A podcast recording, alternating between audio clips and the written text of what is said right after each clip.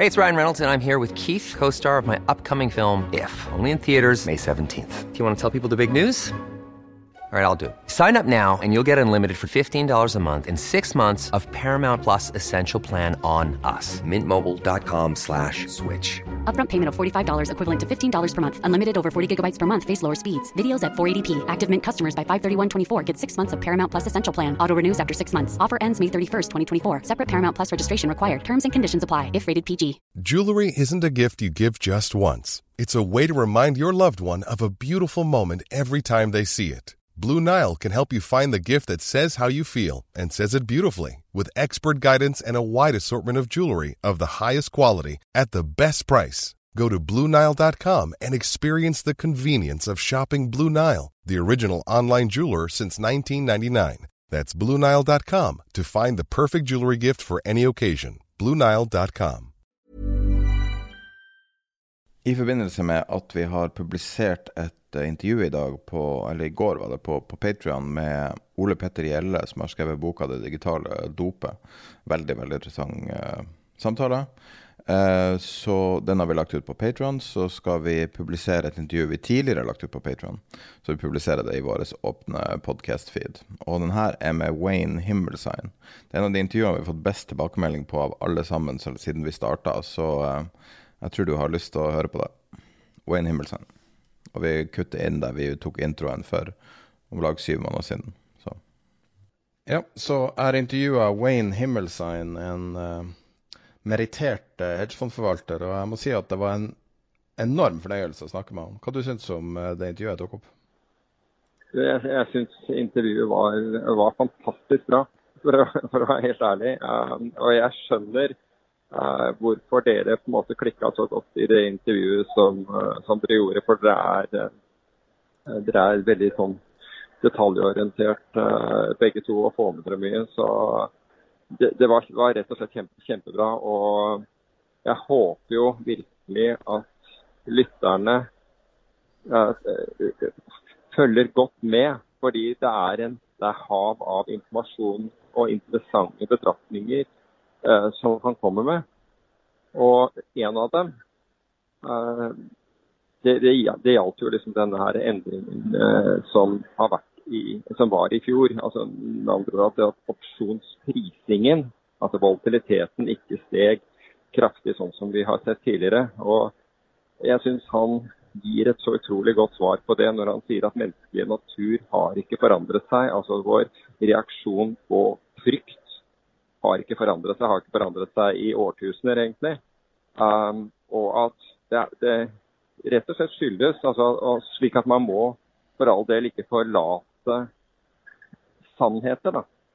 Og det er jo en sannhet, altså hvordan vi, vi tolker frykt og hvordan vi reagerer på frykt. Og så saken var at det var ikke snakk om at, at den menneskelige reaksjonen er annerledes, kun at Eh, at man ikke følte den frykten. Av, av, forskjellige årsaker så fikk man ikke den, den fryktresponsen. Altså man fikk ikke det der signalet til amygdal. altså den der fight-flight-mekanismen ble ikke iverksatt hos, hos uh, det investerende publikum, i hvert fall ikke de fleste.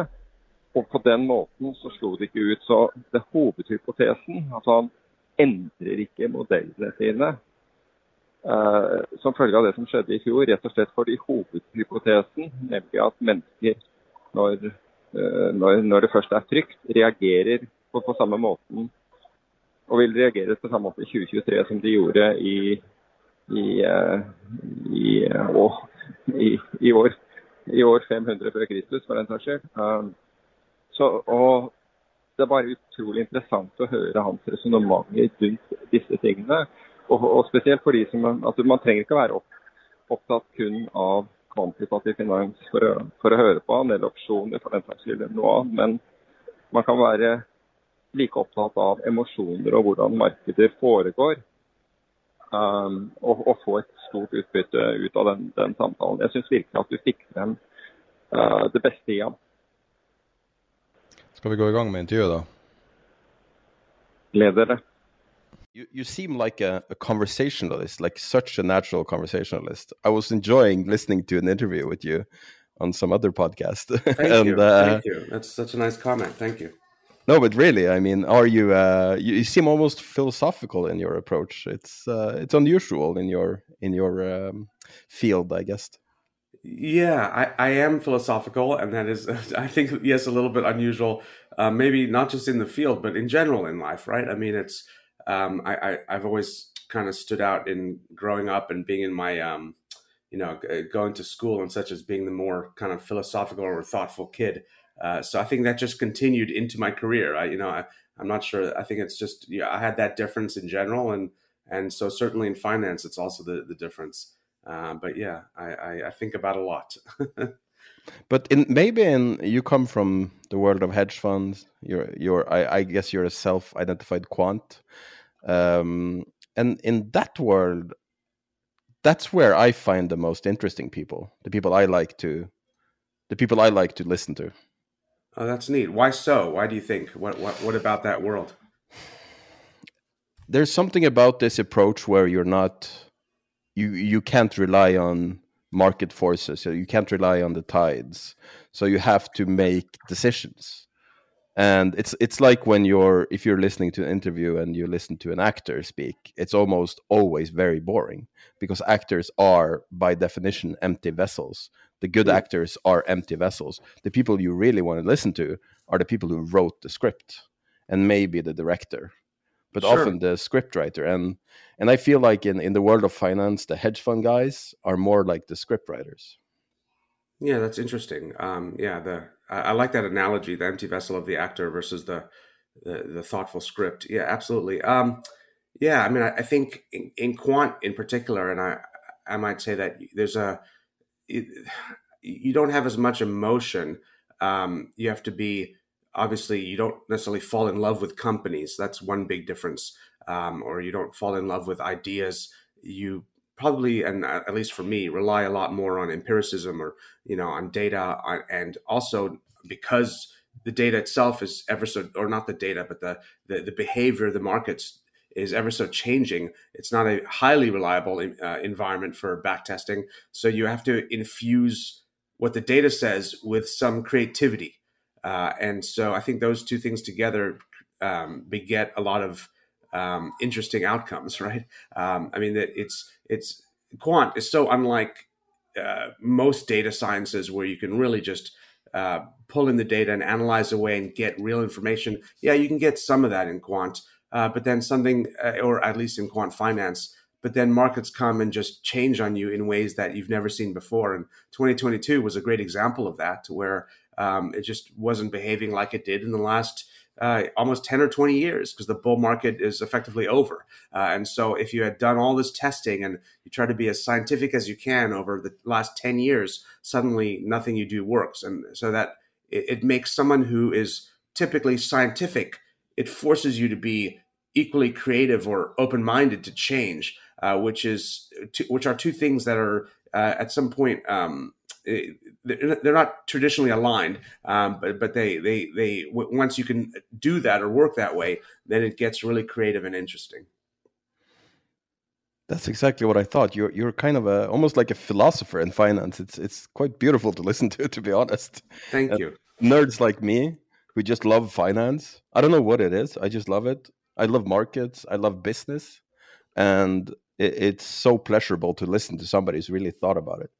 And uh, preparing for this interview, like I said before, I was listening to you speak, and you seemed like you've really given it a lot of thought. Yeah, thank you. Um, I definitely have. I, I, I mean, I, starting out just being a thoughtful person, but then being in something for I don't know, twenty five uh, at this point, twenty seven years, however long it's been. It's it, it, you know, if if you're thoughtful and you do the same thing for decades, you end up just um, thinking a lot of different angles of a lot of different aspects of of that thing. Uh, yeah. You know, so that that's the natural way, I guess, at least for me. So I tried to patch together your resume because on your LinkedIn it says your current company, your CIO sure. of Logica Capital, I presume. Yes. Uh, so what I came to was you have uh, a liberal arts education from Berkeley. You yes. have it's unspecified. I tried to find what it was, but I couldn't. Yeah, and I was then, I was English and creative writing. Exactly. there you go. Yeah, there you go.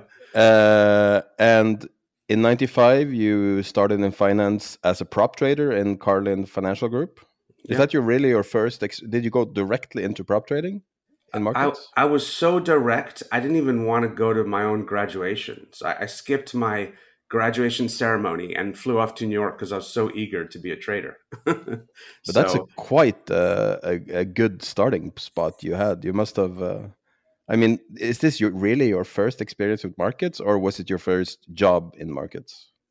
Uh, I mean, it was my first, I think, jo- job for sure, but also experience in that it was my the, a real experience. I mean, my my prior experience in markets was you know, on on my own computer at the time, just looking at stocks. So I don't mm. know that I call that experience. That was just what you know. Uh, I believe what a lot of kids might have done um, with an interest in the stock market. Um, so that I wouldn't have at all. I mean, I, I read the Wall Street Journal maybe you know in, in, in high school an article here or there, but I wouldn't call that experience in markets. I would call that just curiosity.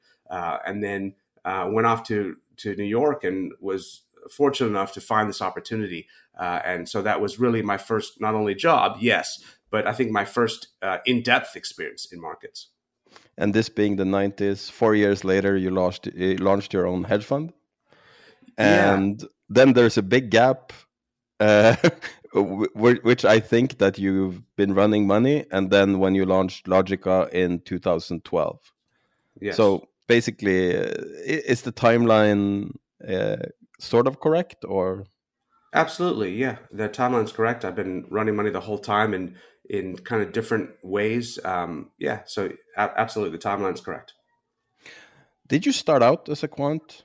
or did you grow into being a quant? Because 95, the quants were hiding in the back office very far in the back office with low respect, and uh, you had the BSDs walking around um, discretionary trading and traditional floor trading and these things.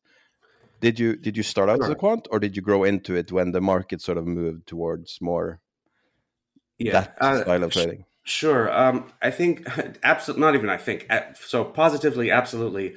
Um, I started out as a quant, but I'll, I'll say that in the sense that I started out as a quant. Period. Like in life, I started out as a quant. I think when you know on, on the playground, I was a quant. In, in as a kid, you know, when when when somebody threw the ball at me, I looked at the ball, but I was kind of thinking about the trajectory of the ball and and and how to optimize my hand on a football so that it would that the spiral would be you know most efficient and the mechanics of where you how many inches up you kick. You know th- these are the ways i thought when i was a kid.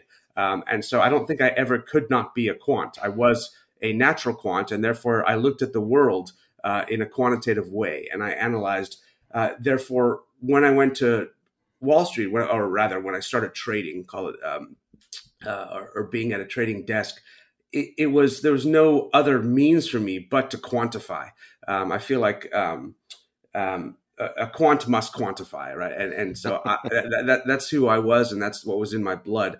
Um, there was no specifically there, there were a big mix of people there was no specific quant desk um, there were a lot of discretionary traders and as people did things my natural way was to say was to wonder why and and think about how to both quantify and and, and analyze history to understand that sort of behavior. And and once you get into the words analyzing history, well, you've got to do that with a computer and with data, and and and therefore you know begets the loophole of quantifying um, and and and, and uh, empirical analysis.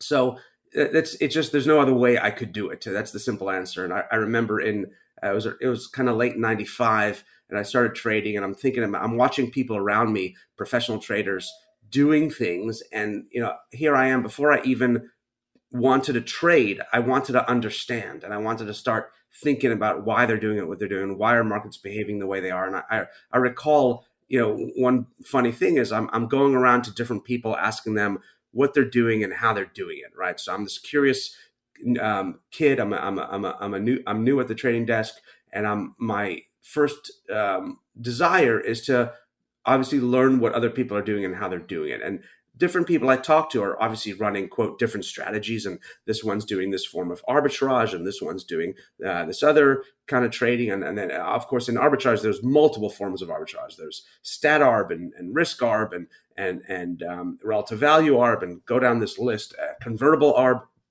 and so I'm listening to all these different people telling me how they're doing and what they're doing and how it's different to everybody else. And then comes along one of the first corrections I saw while kind of being in the markets every day. Was July of 96. And uh, the market comes down for a few weeks, it corrects. And lo and behold, most of these people lo- are losing money, are down, right? Most of these different kinds of traders. And, and so here I am looking at all this, thinking to myself, you know, what's this kind of grand delusion everyone has that they're doing something different? And lo, really, the reality is everyone's exposed to the same pain. Like, are, are they not admitting it that they're all kind of in the same thing? And, and that really started me going quantitatively to understand what is this shared pain and and why is does everybody think that there's differences and and and what are their nuanced differences but then their shared pain and and understanding that led to really everything i do with my career so back to that original answer is I, I didn't ever go in thinking, hey, let me just start buying 100 shares of X or Y and, and, and, and seeing where I could buy or sell. That, that just wasn't how I did it. And, and I couldn't. Naturally, who I was was to look at the bigger picture. I think I'll use the word philosophize uh, and then start quantifying the, that philosophy. And that's how I did everything in my life. And that's how I did trading. I want to produce the movie of your life. This is an amazing story. Thank you it's so it's so vividly clear what you're explaining. This is uh it's quite amazing because most people in finance are surfing the same wave kind of. Yes. And when you see when you have uh, uh like years like the well i mean since 2008 really there's been a huge wave of liquidity. And it's been really easy for stupid people to get rich is it now is it now changing? Are we at like a major high watermark where money costs money and it's no longer easy to make stupid models work?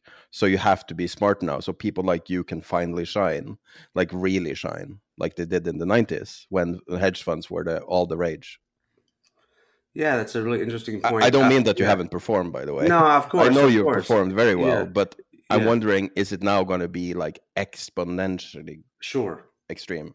Sure. Um, no, that's a wonderful question. I, I think that uh, you, are absolutely right. There was this easy money. Um, I guess there's like everyone's smart in a bull market is the the quote I've seen before. Um, and you know, so yeah, the the the bull market or the um, if you will, buy on dip mentality is it, it, it drops down a little bit and oh great it's it's a little bit cheaper and you buy it and then naturally it snaps back and there's a great recovery and you've made more because you bought the low.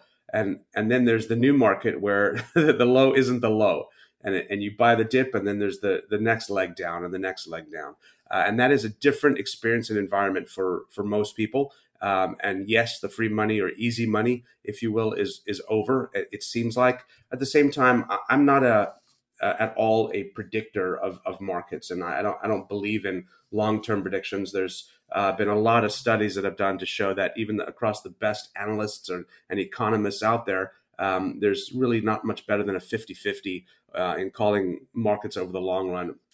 When I say the long run, a year, two years, three years, uh, there's, there's a wonderful book um, I read uh, probably over a decade ago, a long time ago, called Searching for Alpha, and uh, they in, in it they talk about going uh, doing a study of looking at all these different major bank analysts and go down. Um, I, I, I don't want to pick on any specific bank, but Morgan Stanley and Goldman Sachs and B of A, and go down the whole list of the big investment banks and and quote uh, what their analysts projected where the Dow or S and P would be in one or five years from that from that day and, and where the economy would be. And across this span of decades, if you take up all their estimates and across all the different banks and dozens of them, you get roughly a 50 50 on being right versus wrong, right? And so um, it, it, really shows you that nobody really knows. And I, I, I, believe that wholeheartedly to be true. I've seen it in my career because the wildest things happen, right? It's January of 2020 and everyone thinks this, oh, this is a great market and oh, I'm, I'm, everything's good to go. And then suddenly February, March is COVID, right? And the world changes. And so things just, things happen, things come out of nowhere. We're, we live in a kind of chaotic world. And um, and and so with that said, I'm going to say that yes, it looks like things have changed, but quote, you never know. Um, I, I, I uh, as a market trader, as a quant, I'm very much more of a um, you know, I've, actually, my investors have told me this. They've it was it wasn't me who came up with this specific line. Um, they said you that I I um, I react, I don't predict, and I think that's really fundamental to a way of being in the market is to be a good reactor rather than a predictor. Because we can sit and make predictions all day long, but then the predictions don't pan out, and you're kind of stuck, deer in headlights. What am I going to do? This is not what I thought was going to happen. Um, but if you're if you hone in on the skill of reacting, then whatever happens, you you you flow with it. Um, and, I, and, there's been many great quotations in the world that have kind of um, uh, supported this idea. One of my favorites years ago was about um, you know a, a, sailor when the when the wind moves, you you know you reset your sails. I forget the exact verbiage, uh, but it was the same idea. You you you go with a flow uh, is a simple way to say it. And and so with that also in mind, I'm going to say yes, it, it seems like the good times are over, but they may it might turn right back into a bull market in six months from now. Um, and then great, I'll go with the flow and, and ride that once again um, uh, in in that direction, hopefully.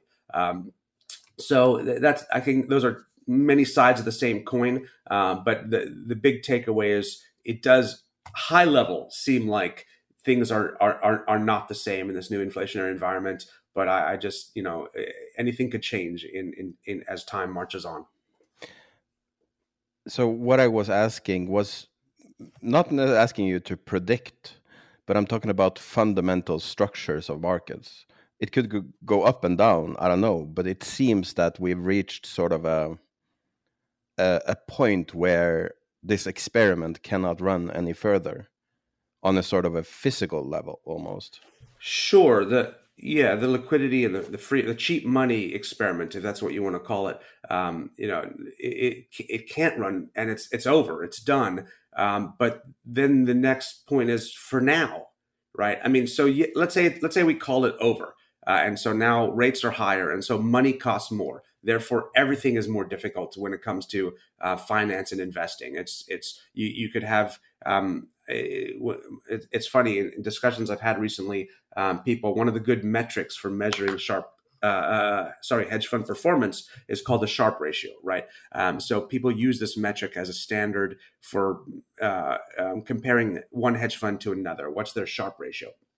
And uh, in in recent conversation I had is people were making the comment that in Sharpe ratio there's a there's a variable where you put in the, the risk free interest rate, and everybody for the last 10, 20 years has just left that at zero because there's been no, no, real rate, right? So it's just been return divided by volatility is your Sharpe ratio. But now it's your return minus the risk free rate, right? So you, you did 6% and the risk free rate is, is five or whatever. And now you've only done one, right? And, and so divide that by your volatility and, and, and you're not looking that good. The point is that the risk free rate now has a fundamental to your to use your word is, is a fundamental game changer right it, it it says that you don't just have to perform. You don't just have to do 10% a year. You have to do better than what people can earn just putting their money in a money market account. You know and that that becomes of course harder. And then to to do interesting things in the hedge fund worlds uh, you have to borrow money. You have to leverage. And so leverage costs a lot more. So now you've got a bigger hurdle that you have to beat when you when you have ideas right? Um, your, your cost of uh, uh, getting to the uh, the result is higher, of course. Uh, so all that said, yes, that's a fundamental change. Um, there's now a new hurdle in town, um, and and that and that and of course no longer free money. Um, all, my, my my earlier point of not being a predictor is all that is true today, and all that looks like it's going to be true uh, in, in in certainly in the near term or to medium term, but it's completely possible that in a year and a half from now, the Fed is back to lowering rates. That's the bigger point I was making is that um, we can say that, yes, it is different now, quote, in now is in big all caps, but that doesn't mean that we're not going to be back to where we were in the you know 90s or or or, or, last 10 years in, in two years from now. And I, I just we just never know. I've seen it all. And so that's when I want to make the highlight is is yeah, today is harder uh, and I think today, to your earlier point, enables people who have more better strategies to shine brighter. Um, and it and it's you know it was it's tough when when we're doing the right thing years ago, and in the bull market somebody else is literally just bought the S and P and they and they outperform us on in pure return. Maybe not in having as low volatility, but they outperform us on a pure uh, rate of return. And because they just bought the market and it was up 30%, right? Or, or something similarly crazy. And so that, yeah, that's hard. It's hard to shine in the, you know, when, when, when everyone else's lights are so bright. Um, and so now that that's nicer for people like myself.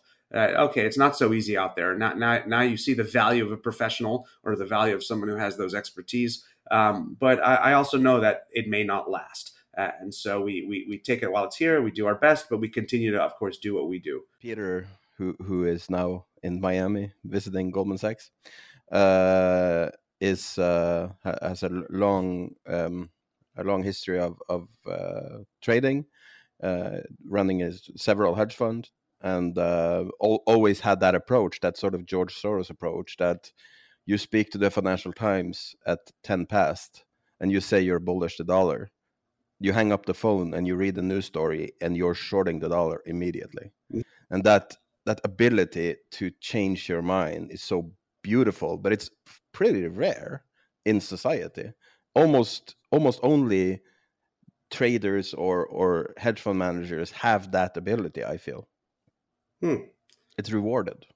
Yeah, that's interesting. I mean, I, I, look at that as just objectivity, right? Is are you an objective person or not? And I guess to your point, it being highly objective, i.e., not letting um, your past opinion weigh on you, not having uh, what's called sunken bias, being more sunken into what you've put more work and effort into. And there, I see that a lot actually in more in the fundamental analysis world as somebody spent a, a, year studying a company and kicking the tires and talking to the management. And so even if it's not as great in the end, you, you've put a year of your life into it. Right. And so you're almost sunken into the, into the, the your own efforts rather than the the objective outlook of the company.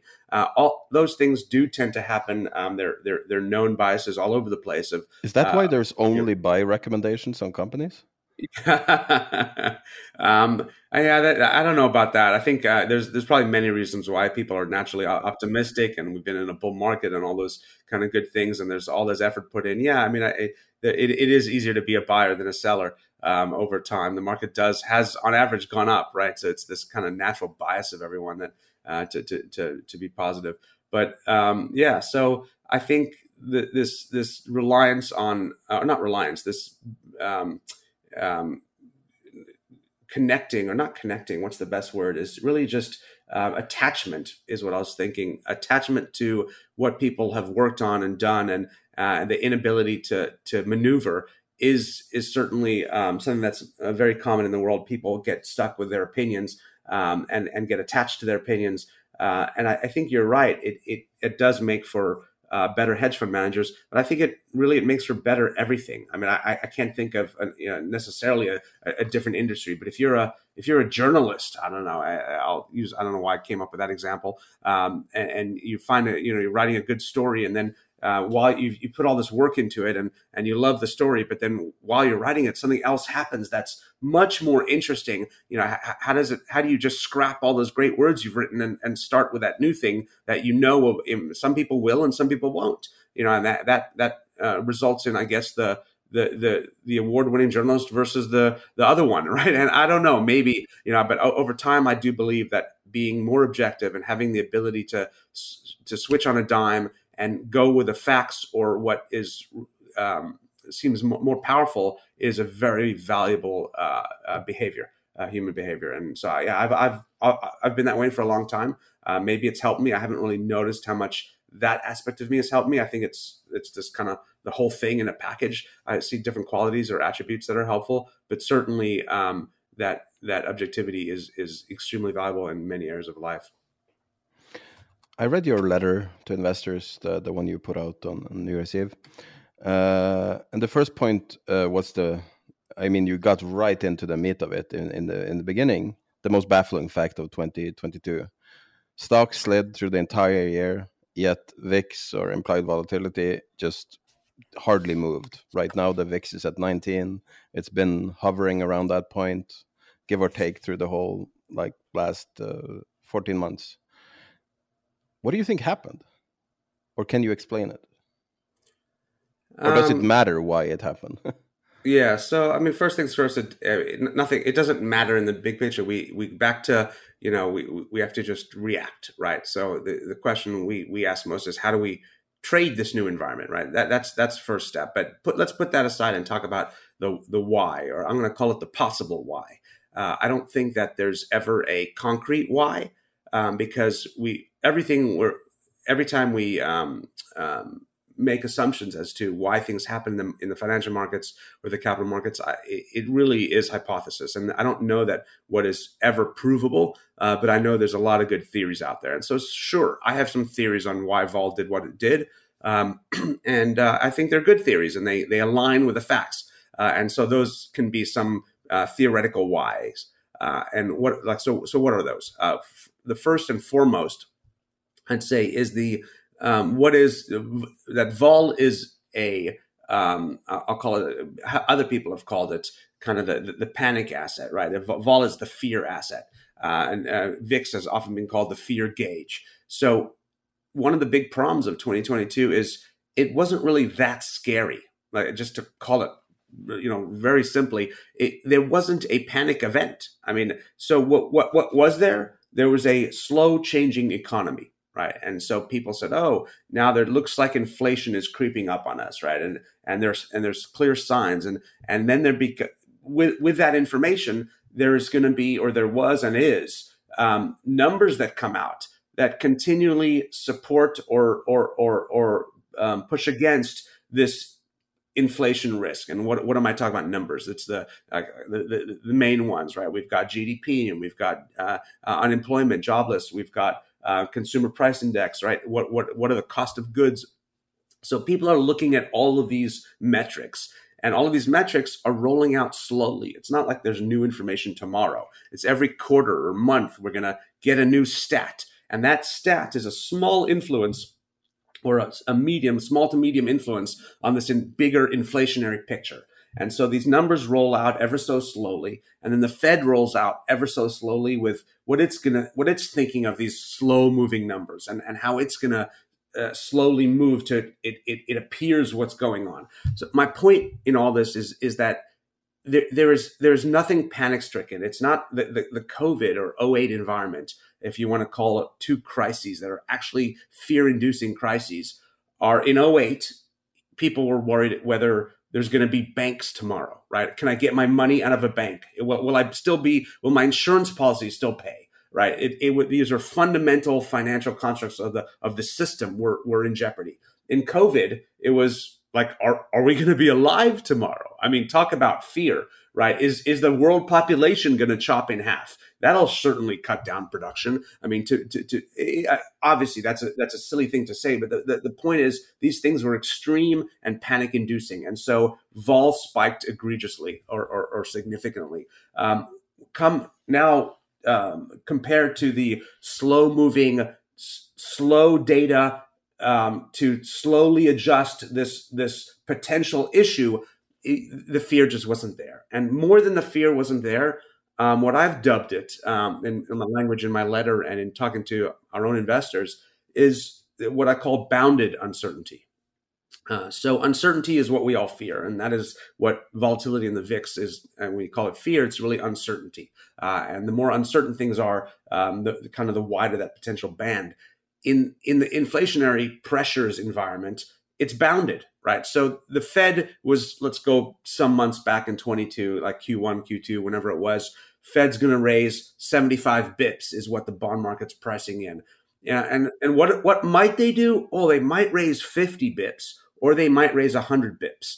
So 75 is the bogey and 50 or 100 which is plus minus 25 basis points is the is the wild event, right? And so if all goes wrong, we're 25 bips away from where we thought we were going to be, right? It, and so that's just not enough uncertainty. That's a bounded uncertainty. It's a, an uncertainty within a range. If the Fed had come out in Q2 and said, you know what, everyone, we're raising uh, the Fed rate 300 basis points, there would have been absolute panic in the streets. Why would the Fed do that? What like is the world is is about to blow up or whatever extreme thoughts that would then uh, induce? Right. So that's not what happened. That wasn't even remotely close to what happened. That is a panic or fear inducing event. And so I, I come to this uh, total environment of slow change, facts rolling out slowly, very small boundaries around what what might go right or wrong, and we get a bounded uncertainty where vol has an initial reason to pop up, but then no real fear to take it any further.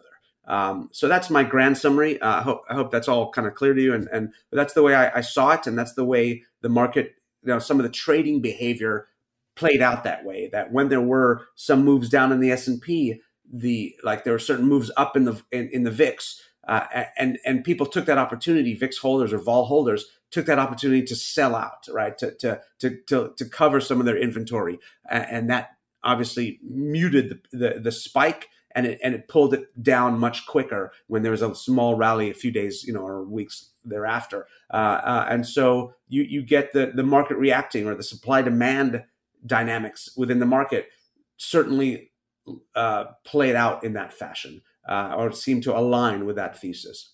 I suggested in one of the episodes we had that what happened wasn't really a crash; it was just a re uh, like a um, uh, a repricing of cash. Sure. So absolutely, like you said, the risk-free rate, like every single balance sheet had to be repriced. So it, it makes sense that Bitcoin and and the Nasdaq f- fell sort of in tandem because cash was being repriced.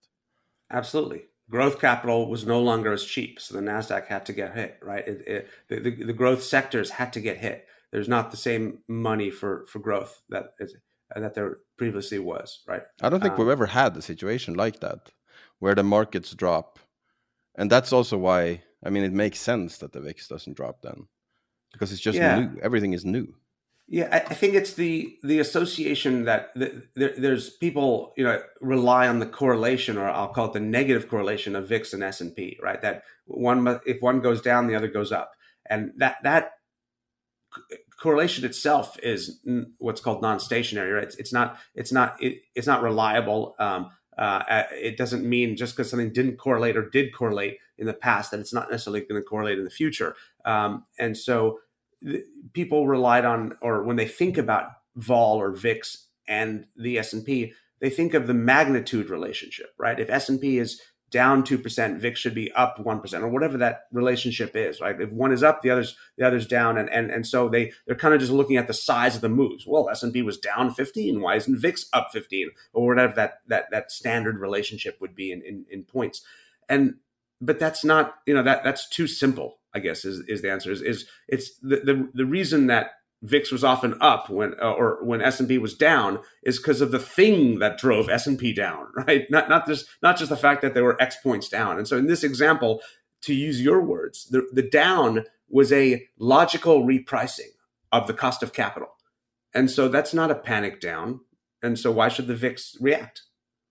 It's so funny because I have I have a question that's literally almost what you said now, which is why has the S&P sharp move down, uh, VIX move up relationship apparently broken down? And you, yeah, you sort of uh, mocked my question, and, yeah, and you're right. You're right. I'm just gonna delete that. I'm, I'm, trying my best to think ahead. So yeah, exactly. but can I ask you a little bit more practical?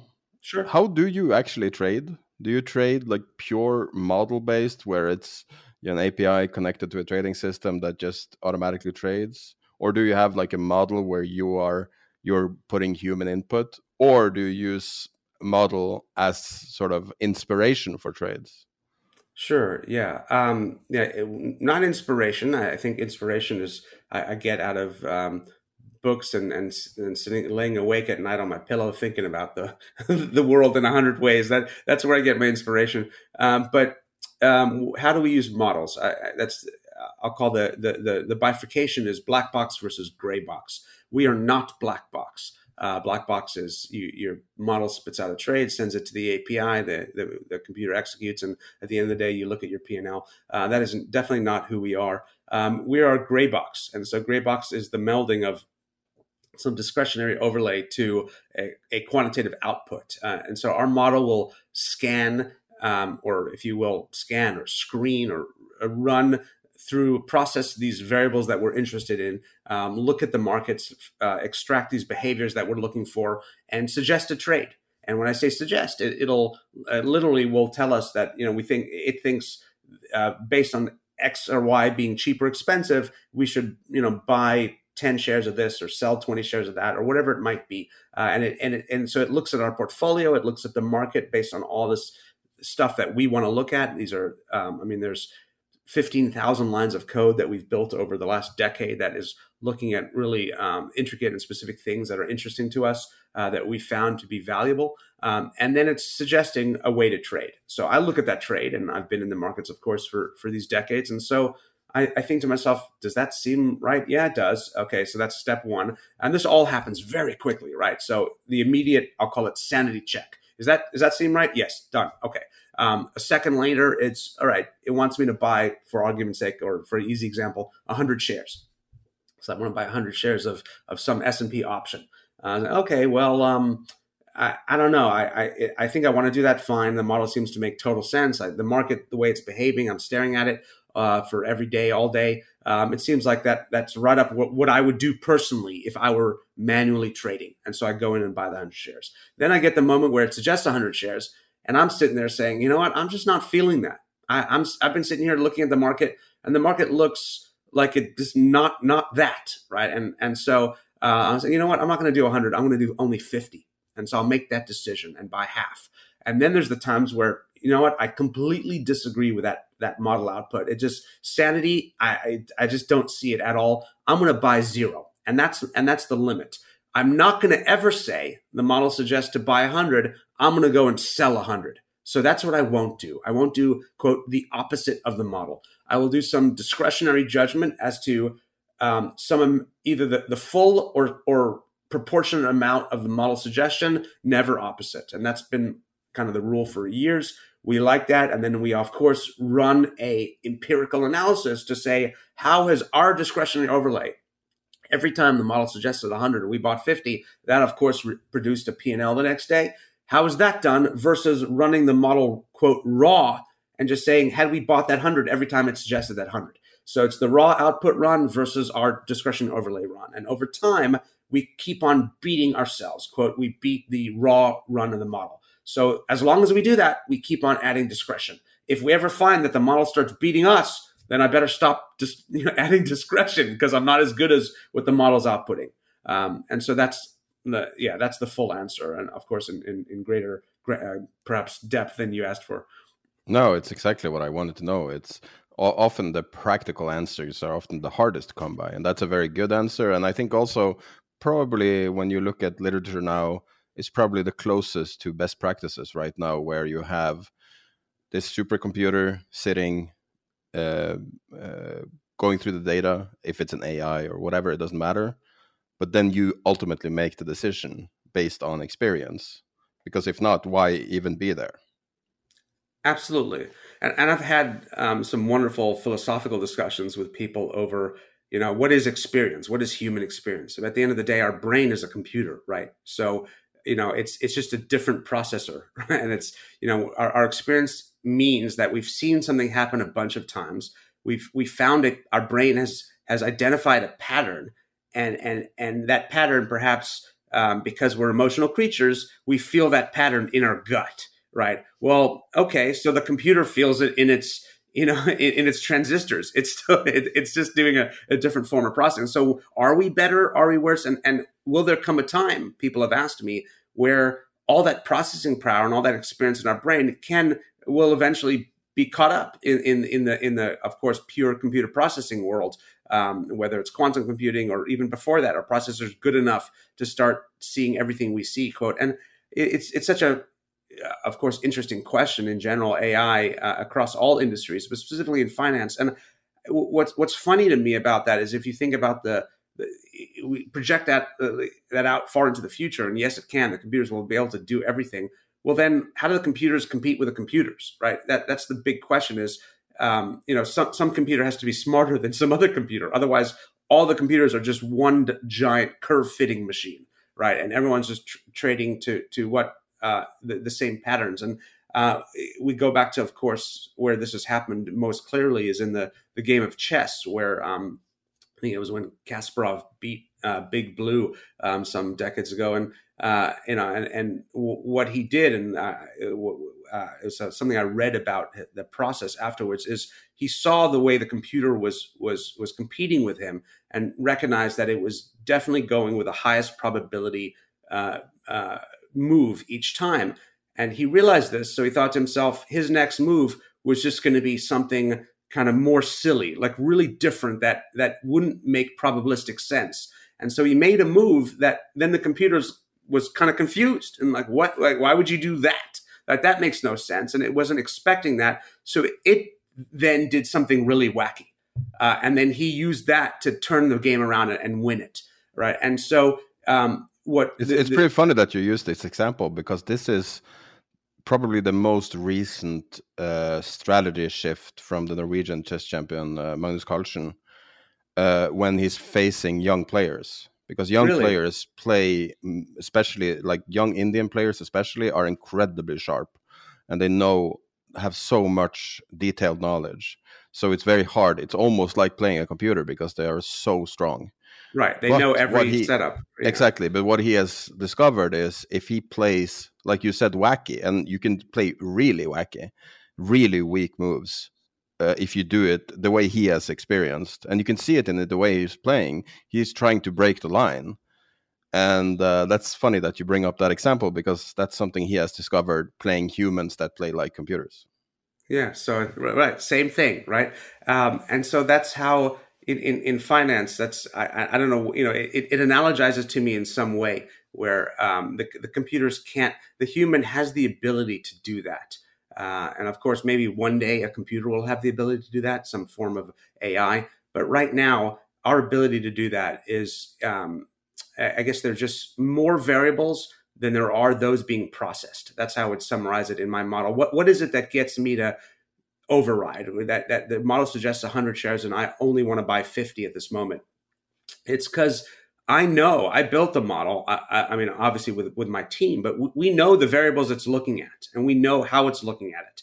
Uh, right? We designed it. So by definition, if it's only looking at, for argument's sake, five variables, uh, my head is processing everything I've ever known, and I don't know how many variables live in that processing, but it's it's it's everything, right? And and and so and my ability or our human ability to say, well, let's let's let's be wacky as the chess players did. Let, let's go with a wacky route and throw things off. That that nuanced ability is uh, where uh, over time it, it, makes sense because things because the world is so uh, I guess dynamic and so certainly the financial markets um, and, and so interesting. So yeah, I think that it and as we've seen empirically, it adds value. Like we test it. You know, are, are our decisions helping? Yes, they are. Okay, continue deciding. You know, even the discretion is quantitative. That's the beautiful thing. There, there's a book. Uh, I, I I know I'm breaking protocol a little bit by by how you're supposed to do the interview, but I really want to recommend a book to you called The Gift of Fear, which Hmm. talks about. It's a very short little book, but it talks about um, uh, gut feeling, what it is, and it's exactly what you're describing. And I think it could be like a real, true secret weapon for trading, where your gut feeling is really a supercomputer in your head that is completely unco- like not in your conscious mind but it's Sure. very interesting what you're saying it's super interesting and i think you're right but my next question when you say that you you override the the model do you then edit the model with your override Right. So do you optimize it Yeah, of course. So there, of course, is one of the biggest issues in quantitative finance is overfitting, um, and it's it is both necessary and dangerous, right? Um, and it, it's just the answer is yes and no, right? Because yes, you have to continuously optimize or react um, to the new environment or the new behaviors of the markets.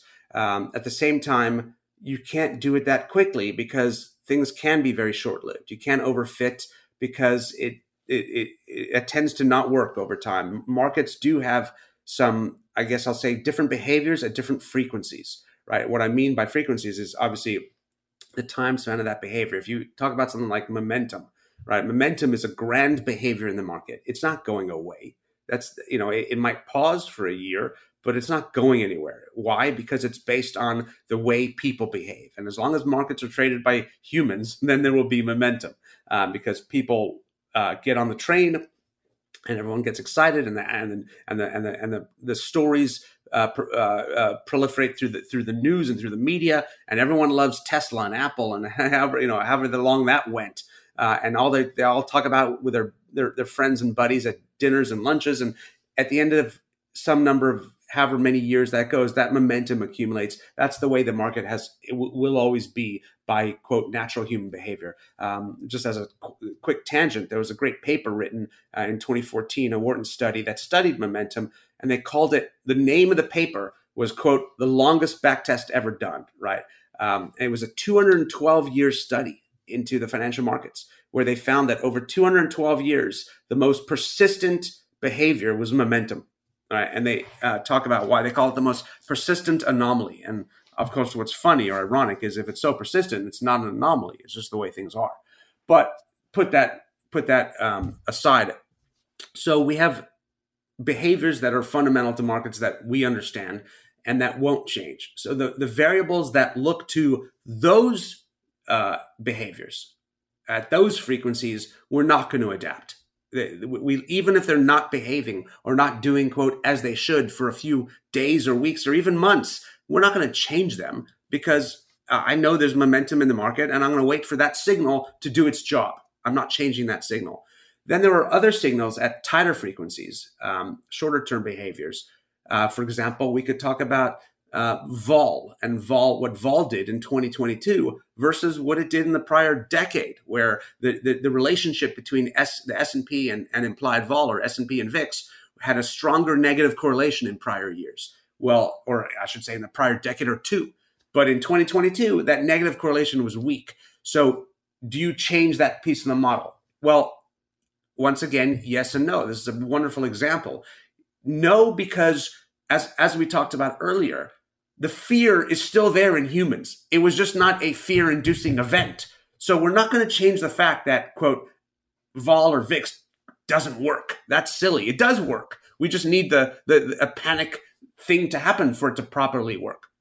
What we need to change is now it's while there is not a panic event, uh, right? So while during the course of a year where that hasn't happened, it'll we have a problem because VIX or IV is is higher. It's in the 20s rather than the teens, uh, and it's not spiking very much, right? So it's more expensive to carry, and it's got a smaller range, and it doesn't look like it's spiking much, and so it's got this other behavior that's inconsistent or, or different to the behavior of the prior decade. All right, so that means that we have to adapt that shorter frequency part of the model, that that part that looks at how it's behaving right now, so that we can trade it better tomorrow so that we can react better. If we, if we change our expectation that the negative correlation is, for example, is not as strong, and just to be clear, we don't use correlation in our models, but I'm just using it because it's easy to talk about.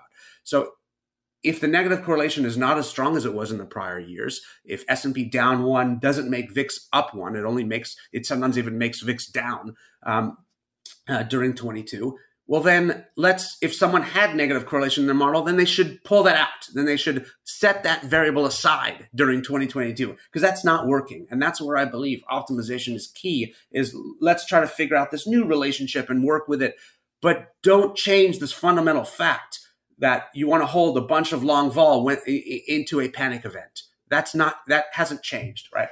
And so I, I i come back to this grander idea of different variables or different insights being associated with different levels or frequencies of the market uh, at, in different time horizons, et cetera.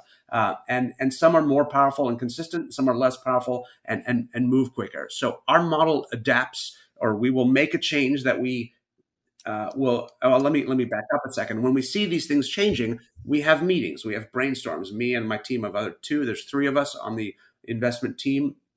We'll we'll we'll we'll talk about it and say, hey, is you know for, is this year 2022 we had so many discussions. Is this normal? Uh, why is it not normal? What what what is it? How anomalous is it? Uh, the is xyz reliable? Is it not? And let's look at this data and okay i'm not sure about this. Let's let's study this over the last you know 100 days and see you know just get some information here. And so we go back and forth. We have these discussions and we see that this one more quote local variable is misbe- is not behaving. All right, let's let's change that.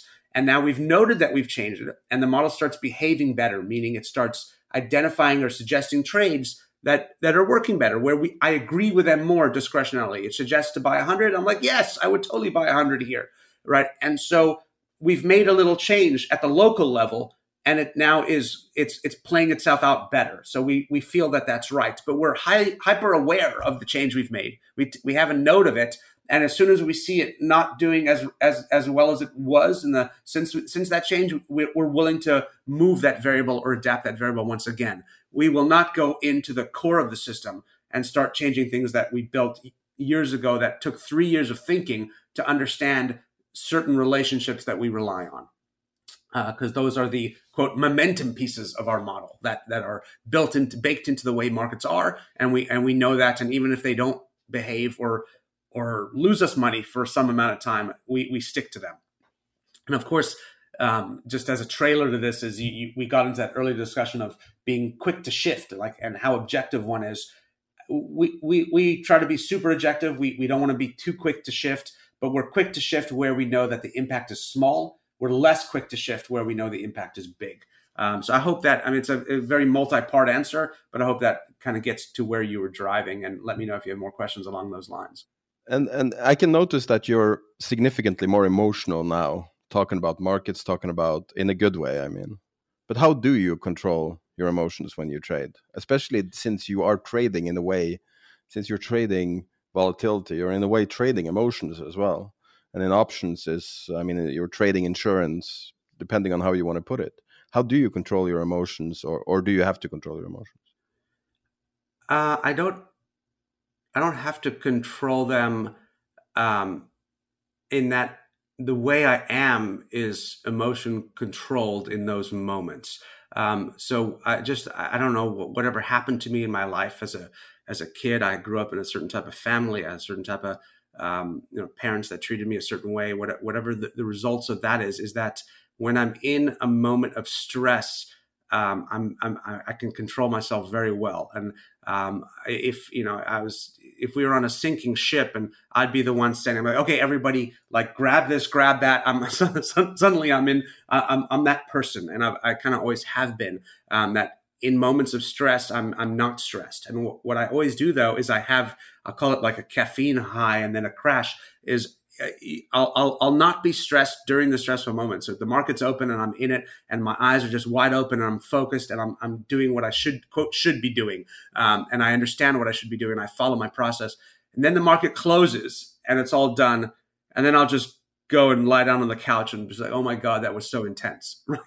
and and then I crash, and then I and then I'm then I can go through even some panic, you know, and then I have to call someone and talk about something that just happened if it was that intense and I have you know certain people that I talk to that are my you know my my my my trading companions, if you will, um, and and we have discussions like that, and I'm like, oh, I you know, I just oh that really I just I feel it inside, and I'm, my heart is pounding, and you know, but that's all after the fact, um, and so I I once again I've always been this way. It's whatever happened to my life. I'm, I'm, i can deal with stress very well. I don't look at making or losing money as as being. It doesn't like it doesn't joggle me at all. Um, and it's funny because I, I, I have on the screen my P and L and it's moving up and down uh, uh, millions, right? And I just doesn't it doesn't faze me. It's not like a number. It's not a money amount. It's just a green line, right, uh, or whatever, or, or, a red line at times, right? So uh, or red digits or green digits, and in that way, it's I'm I'm I'm emotionless to the numbers I'm staring at and what they're doing, and really trying to make the best decisions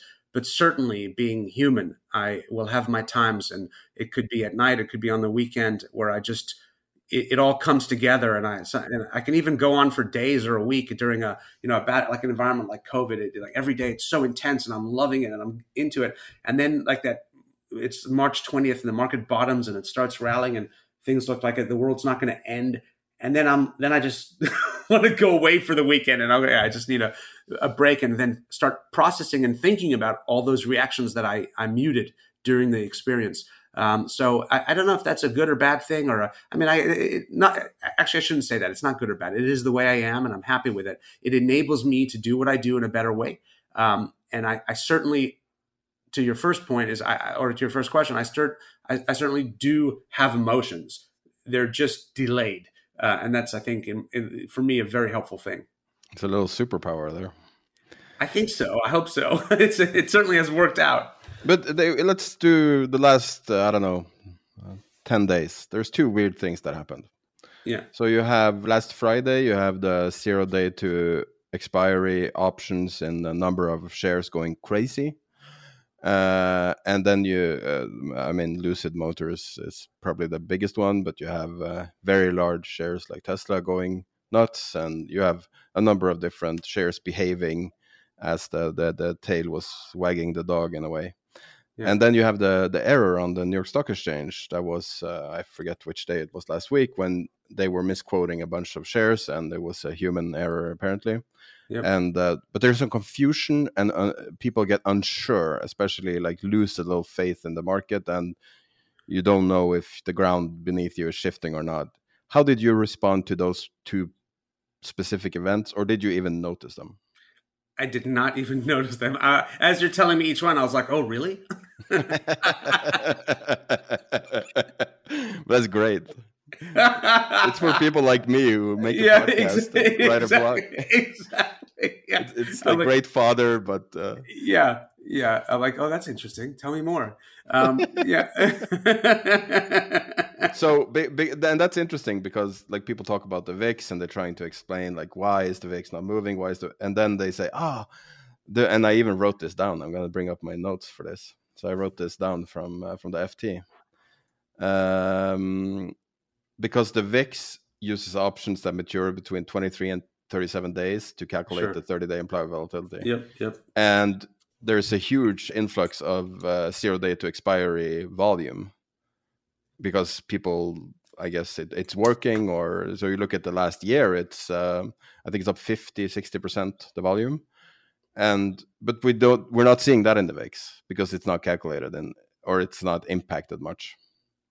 Yeah, Do you well, have any opinion on this, or yeah? I mean, first of all, volume is is two sides, right? It takes it takes two to tango in a trade, right? That's that's always it's always fun to me, like uh, that there's you know there's uh, so much buying in the stock. Well, for, for for for every buy, there was someone who sold them those shares, right? So there, when, whenever you read CNBC anything, always says more buyers than sellers, though. Yeah, but there's there's not more. They're always equal. All right, that's it's the fundamental fact is every buyer must buy from a seller, right? and vice versa. you know, so there, there's never more buyers than sellers. There's never more sellers than buyers. There there is I mean, when, when, when I say there's never more, at that moment there might be more sellers than you know somebody's. But there's there's always a buyer. There's just w- what the eagerness of either side is, right? So it's not more or less. It's how much more or less they either side wants that position. So I want to sell more than you want to buy. So I'll push down further. You want to buy it more than I want to sell it. You're going to bid up more. And i am I'm more casual because I'm not so interested in selling here. So you got to wait for me to, to, to, meet my price. Eagerness is the issue, not quantity. Um, but that, that said, let's go back to the, your, your, your first um, the core of your question is these little things that happen. And and so all this you know the, the it's the it's the expiry day and it's the the the the the, the gap down stock of the misfire on the on the on the nasdaq or wherever it was.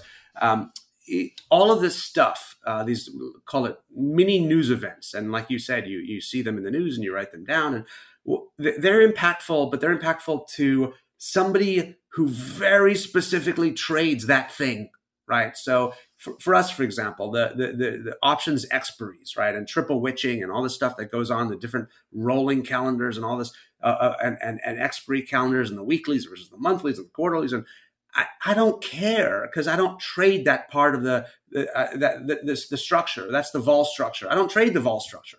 I trade volatility, right, as an asset class, as a its movement. I'm a range trader um, uh, of volatility, the S and P itself.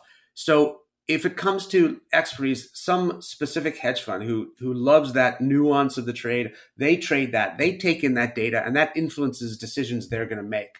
But that's only relevant to them. Truly, it's not relevant to the public. It, it, it's not worthy of being a headline or even a mini headline because it's not going to make a difference to you. And let, let me put it in a different way. Let's say some some Friday in three weeks from now is this is this weird expiry triple witching day, and, and so all these different options are doing different things but but that Friday morning, there's uh, some other uh, you know, whatever it is. Uh, I don't know. Tesla beats earnings just for some uh, silly unrelated event. Uh, well, whatever the witching was going to cause, the market's going to be more uh, excited or influenced by the Tesla earnings, right? Because they were so outsized compared, and so growth is now exciting again. That that narrative will overtake the expiry thing in in all of three seconds, right? And and so the, the problem always is there are so many influences in the markets. There are so many things going on every day. I don't know that the way the VIX behaved yesterday was because there was some um, glitch in, on the stock exchange or because there was some expiry function. It, it, it could have been because the home builders beat and, and their home builders are up and, and people who uh, owned options were a lot of the real estate people. Who knows? That's there's just so many moving forces.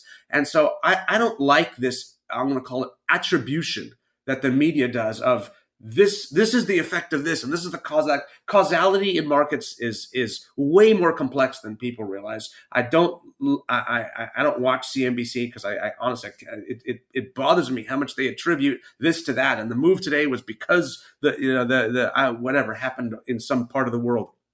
No it market moves up and down and so many influences and if you're trading that thing, if you're a currency trader, then you want to know about this international event. Otherwise, don't worry about it. Do what you do for your investment process. And whatever that is, if your if your investment process doesn't involve expiration dates of options, then stop paying attention to it. Right? Um, and that's that's my best advice for most investors is learn more about your own process. If it's a fundamental process and you like understanding companies and, and their growth potential, then read more and do more about that and stop reading about expiration dates of options. It's completely irrelevant to who to to to to what you do and how you think about markets, and it's all there. Just I'll call it noise uh, in the media, uh, and so that's and not only for you know e- even something as specific as options traders like myself. We trade vol, and I don't care about expiration. You didn't even know. I didn't even know. I don't. It's, it's irrelevant because that's exactly exactly there isn't i mean it's it's price action versus narrative like an age old exactly. uh, age old debate but every it, once in a while over, but yeah, every once in a while the narrative yeah. matters yeah. but like you said it's rare and maybe it won't matter to you so who cares yeah, I mean the narrative matters in obviously something grand or, or uh, massive like uh, COVID, right? So sure, the you know is uh, w- w- will it shut down the world economy? Yes, that narrative, of course, it matters, right? So I'm not blindly swiping all media, um, but the little things tend to matter less. I love that everyone in finance hates CNBC. Isn't that funny? I've never met a single person that likes CNBC. Yeah, um, I mean it's entertainment it's it. It's uh, not that entertaining yeah. either. Sure, I, I, I, I, um, yeah, I haven't watched it in so long. I don't even remember. um, can I ask you about uh, one last question about your? You models? can ask me anything. one last question about your models. Yes. Uh, I don't know if you even think about this, but do you have you looked at the half life of your models and and models in general? And is that half life like the half life of the effectiveness of models? Sure. As um, models in general and models specifically, is it changing? Is it plateauing? Because I know it it was coming down for many people for many years. Yeah, I, I think that all gets into the discussion we uh, that was had before. I was I was getting into the examples of overfitting and optimization uh, versus frequencies. I think it, the half life or um, decay of a model is uh, obviously a function of what how granular uh, and how it's looking and, and, kind of the frequency of, of, of its focus. Um, so model go back to the, the, the topic of momentum, which is this um, long living or forever living uh, anomaly or behavior in capital markets, um, relied on relying heavily on the way people are, the way humans are. Well, that, that's that doesn't have a half life. You have a momentum model; it works and it'll continue working. Now, how you trade that, and the fact that you can momentum can be out of favor for two years, and, and you have a business to run, and so you don't want to um, have two years of, of weak returns, and then you need some um, client relations department to, to, to, explain to people, you know, why that the market's out of favor. I mean, AQR went through that for a long time with growth versus value. Right, that hurt them for many years and they they stood behind it saying growth and value are fundamental constructs. And, and, and we believe this was you know and, and they took the drawdown and, and eventually it, it, it, it switched the other way and they did amazingly well. Yeah, Cliff Asness right. loves to argue with people on Twitter. right, ex- exactly, and and and I, I respect him greatly for for for being objective and and and but to to a grand thesis in the market, not to a local modeled behavior right? And that's the key difference. And I, will say that one more time: is that the the the, the models that over optimize to local behavior, a lot of these quant models are that they're going to have a very fast decay rate because there's so many people doing quant. Um, there's going to be, of course, searching for the same alpha, and therefore people are going to uh, uh, kind of step on each other's toes and, until the arb goes away or the inefficiency goes away. That's always going to happen, right? There's just so many smart people looking at the same environment. And so we're going to find the same things. And so we have to be kind of always steps ahead of each other, else we're all going to find the same ARB and then the ARB's going to close itself by the number of participants um, trying to get at it first and, and, and, and, and jumping in front of each other. Um, so that, of course, calls for high, uh, decay. Then markets will change uh, naturally, like t- 2022 versus prior years, and so that's going to create decay in models um, and and other different types of changes. Um, but all of that is once again a function of how local the model is and how optimized the model is. So the more optimized and the more local a model is, the more it's going to the, the, the quicker the half life, um, and uh, and of course the less optimized and more broad and and and and uh, conceptual the model is, the longer lasting is. And and that's why for me, I, I love simple models. I love broad scale um, uh, deep market behavior. Yeah, you when you we first started talking, we started talking about how uh, I'm a bit more philosophical, and I, I think that at the core of my models are deep philosophical um, hypotheses, and they they they're not changing, and I, I see them, and I understand that I have to create mini models to to maneuver around the the, the ever changing local environments.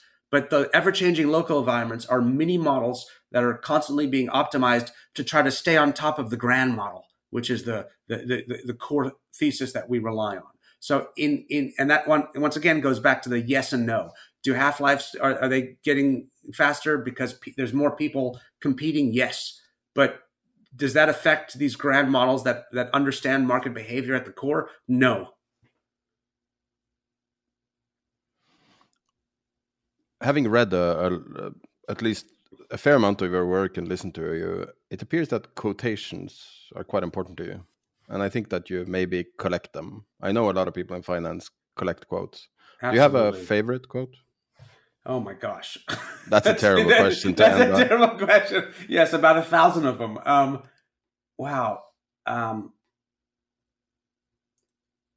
I have so many. I, I, collect quotes, and I have different sheets of, um, uh, of course, like uh, um, topics, quotes on different topics. So I have favorites in every different area. Um, man, that's a tough one. Why do so you think people yeah. in finance love quotes so much? Especially hedge funds. I don't know what it is, but it, are there hmm. eternal hmm. truths? I don't know. There's eternal truths, but there's you know, the, as humans, the human condition is we've all been through the same stuff over and over again, right? And I, I, always think it's funny when I when I hear people or I watch movies and they're like, "Oh, it's like the good old days." was it? It was. There's nothing different in the old days, right? In the 1930s, people were mm. the same people as they are today, and we just had Jesse different... Livermore. It was the same exact thing as today. Yeah, the only difference thing. is where he traded, but everything was the same. Exactly. yeah, and everybody had the same increase or decrease in, in like so today we all have computers and real time quotes, and Livermore had called up the broker to get a quote or use the ticker tape. Well, well, at that time, everyone had a ticker tape. So that was the so everyone shared the same speed of the medium. And at that point, the speed of the medium, people were trying to beat that speed by getting faster ticker tapes, right? And and today they're getting supercomputer, right? So it's the same competition at the same level, but everyone's constrained by the same bandwidth, right?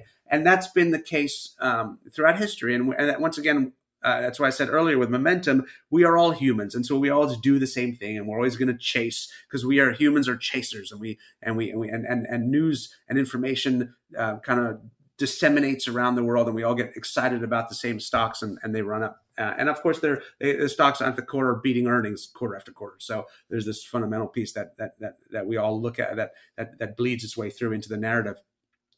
In any event, um, why quotes?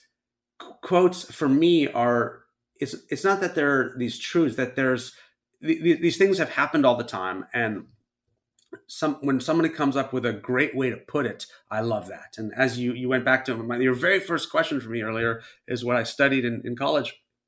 I was an English major, and uh, creative writing minor, uh, and I, I love words and I love being able to put an idea into a concise, beautiful uh, uh, sentence. And it, it, just seems like it, something that says it so well is easier to remember. It's easier to absorb and it it and to spread around. Uh, quotes, I guess they they spread easily, right? If you can say something beautifully in a little sentence, it, it can disseminate much wider and and perhaps have more impact. And I I know for me, it's just I love the the, the way to put things. And um, actually, you asked me my favorite quote. I think it just came to me um, of all of them, and I I don't have the exact quote in front of me, and it's in one of my sheets, but um, it's the, to rephrase it, and it's terrible that I'm rephrasing it because it's a beautiful quote, but it's it is very simple. I think it's it, was, it is it is from an ancient um, or not ancient, but a Greek philosopher. Um, uh, I, am not I forget which one, but it's in the the Socrates days, um, and he said very simply, "Education is freedom," uh, and I, I I just love that because I think if I attribute everything I've achieved in my life, um, it's education.